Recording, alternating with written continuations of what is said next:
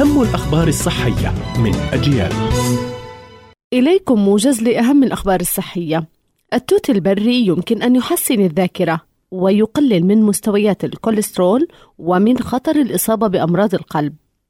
كما أن مزيج التوت البري مع العسل بخصائصه المعززة للصحة قد يكون لديه القدرة على منع تسوس الأسنان.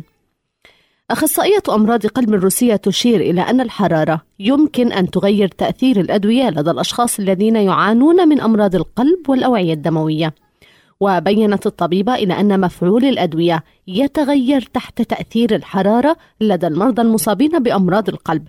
لذلك فإن التجوال أو العمل في مكان مكشوف تحت أشعة الشمس من الأفضل أن يكون صباحا أو بعد العصر.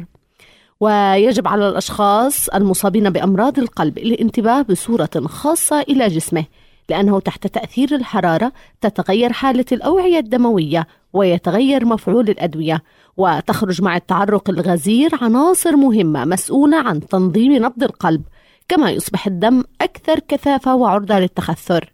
تشير الأبحاث إلى أن قلة النوم يمكن أن تزيد من الشعور بالجوع وتفتح الشهية وتزيد الرغبة في تناول الطعام. كما أن الحرمان من النوم يسبب ارتفاع هرمون الجوع الذي يزيد من تناول الطعام.